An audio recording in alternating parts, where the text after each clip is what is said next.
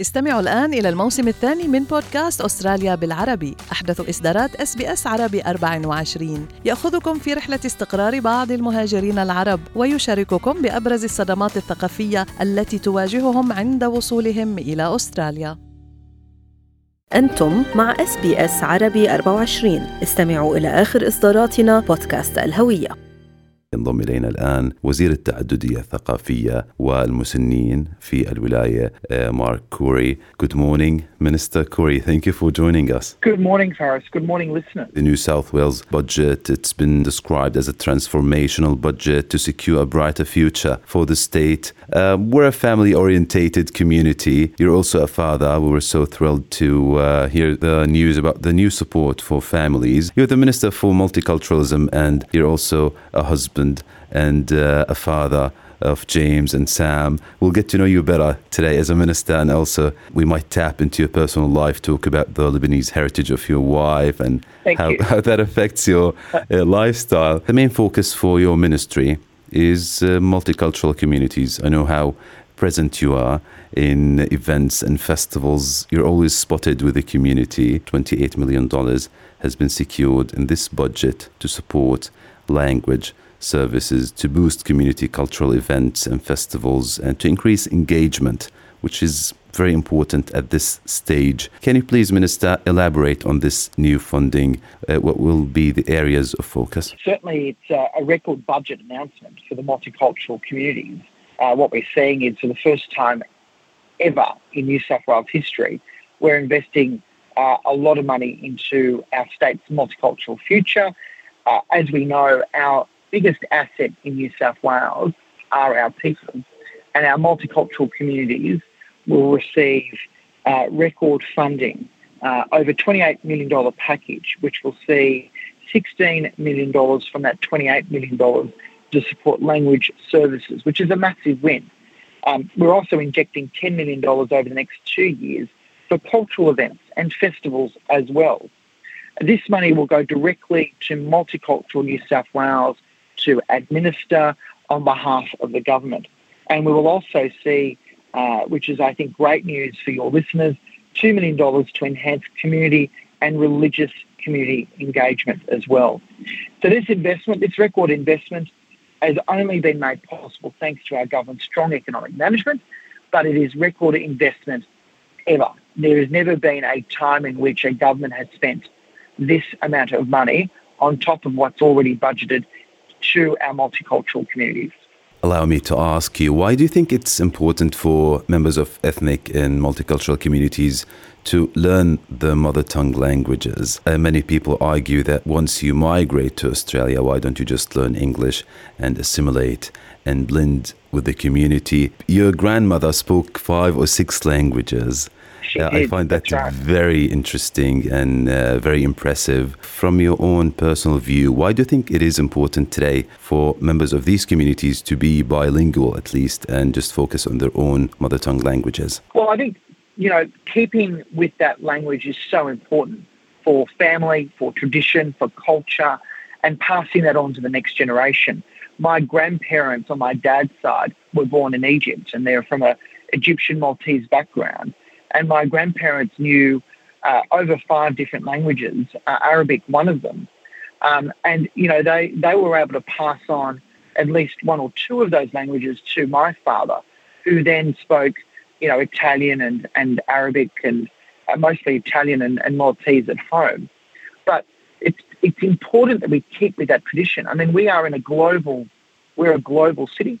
Uh, and of course, learning more than one language is, I think, vitally important for employment prospects, but, but more importantly, having closer country to country relationships. Yeah, definitely. I, I totally agree. Uh, moving on to a different topic, as important, you know, we're still celebrating the Refugee Week in Australia, and I know the government in New South Wales is committed and is renewing this commitment to help refugees thrive and succeed in the state. I know this area focus is very significant to the government, but to your portfolio in specific. But, Minister, at the very same time, all the refugees that we've spoken to not all of them, but a good percentage of them. They've spoken in this show and they've always uh, tapped into their suffering from the stigma sometimes, even within their own communities. Do you think we've fallen short on highlighting the suffering of those refugees, the trauma that they had to experience back home, and the obstacles, the extra obstacles that they need to overcome to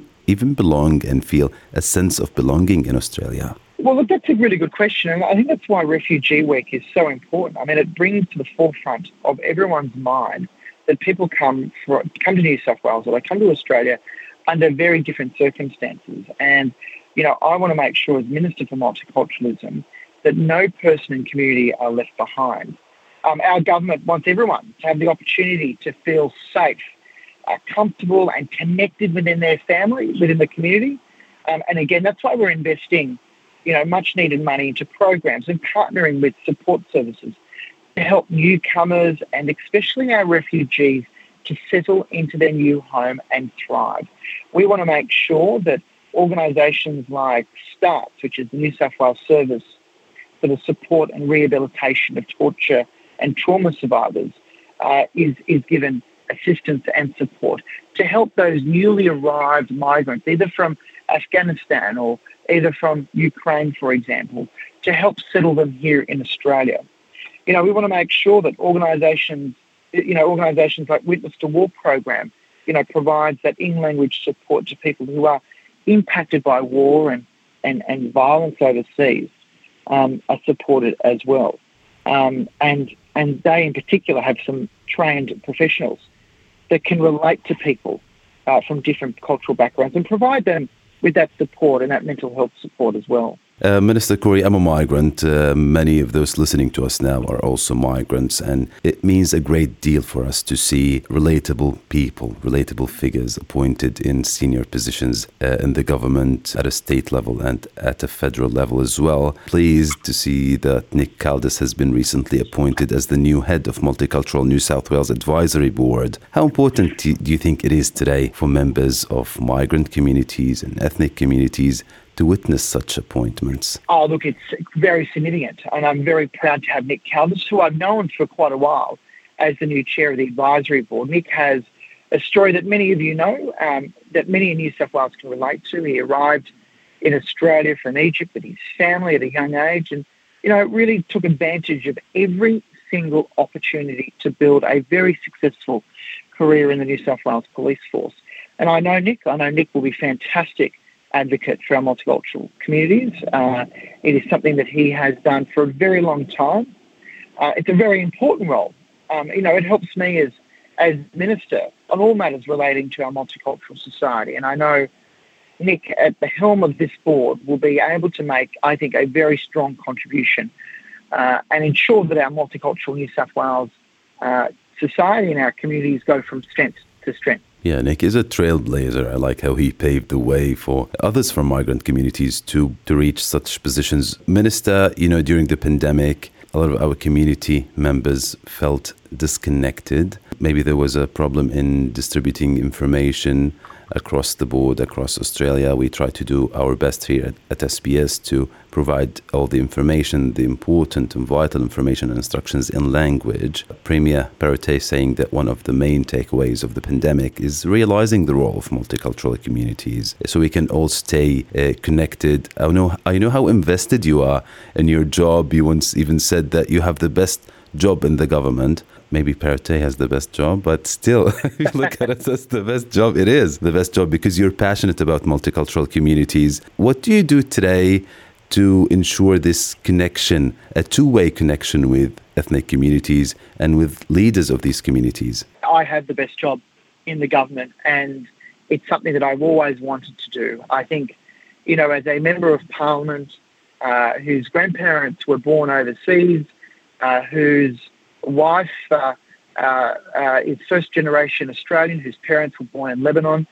You know, we, we have a very, we have a wonderful multicultural community and community. And one of my roles, you know, is to ensure that no community and no member is left behind. And, you know, I feel that we've come a long way since the pandemic. Uh, and, you know, and, and that's why I focused very hard in ensuring that we got that record spend in the budget yesterday for our multicultural and religious communities because they are the ones that are at the forefront of that pandemic or of the pandemic over the last two years. Uh, they were very, they worked very hard to ensure that their community and their members of that community and the community group were vaccinated, that were safe, uh, that were that were you know ensuring that they had the latest of the information uh, that was being um, announced by New South Wales Health. And certainly my role as, as Minister for Multiculturalism is, is really a ensure that know our communities are out there celebrating those cultural days again, showcasing the diversity and the, the and the vibrancy of our communities and and ensuring that we're also breaking down barriers and fostering mutual understanding and respect between our cultures in New South Wales. And I believe events and festivals are a real great way to foster that. And a perfect perfect example was the Ramadan Nights Lakemba Festival hosted by Canterbury Bankstown Council. It was a huge success. It was a huge mm-hmm. success. And and the New South Wales government gave quarter of a million dollars to the council to help run this month long event. And I was there on three or four separate occasions. I took the whole family there one night and took the whole office there the other night. Nice. We saw thousands and thousands of people from different backgrounds, and uh, it was a wonderful opportunity to experience the Middle Eastern culture that uh, uh, many of us uh, experience on a day to day basis. But not just there, the, the Blessed Nights at Lakemba, uh, sorry, at Liverpool were another event in which the state government came and supported as well. These were wonderful events that, you know, they, they foster and they build that peaceful, harmonious and united society that we've got here in New South Wales. Yeah, we've seen similar events, even Auburn, they're trying to replicate the success and it's working. I've personally accompanied many friends and colleagues who have never been to Western Sydney. It was the first time in that part of the city. I think such events, initiatives are helping bridge the gap maybe between different communities. Let's also discuss uh, an Australian first, the New South Wales Service and the STARTTS organization have launched together a multilingual telephone helpline for people impacted by overseas conflicts, including the Arabic language. And we do know a big chunk of our communities have migrated from war torn countries, and whatever is happening overseas is present in our lives. If you can't just live comfortably in Australia and the, there's a raging war back home or a very uh, suppressing economic uh, catastrophe happening. Uh, what can you tell us about this initiative and the government support for it?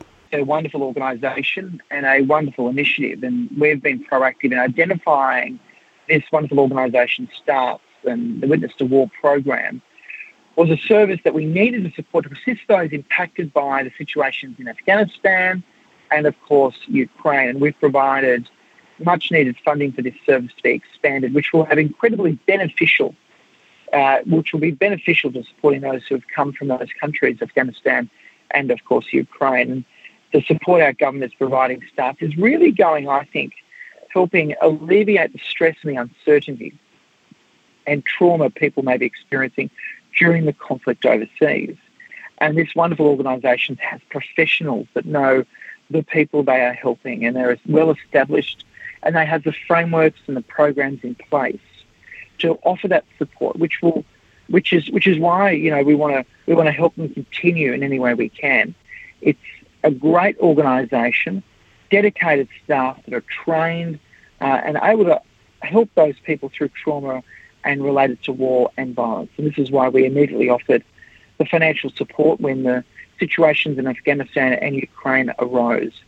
So languages that the Witness to War program through the START organisation are supporting. They, you know, supporting communities of Arabic and um, Farsi and Kurdish and Turkish and Ukrainian and many, many others. And it's a a wonderful organisation that's doing a wonderful job on the ground. Lastly, Minister Coure, if you allow us to tap into your personal life, sure. uh, talk about the dynamics in your household uh, with your uh, wife, uh, Adla, who has Lebanese heritage. She's a school teacher. You're raising two sons, James uh, and Sam, God bless them. Uh, tell us more about the identity at home. It's more of a multicultural household, isn't it? Well, look, it certainly is. And one of the the wonderful things of our household is that every night is a different night.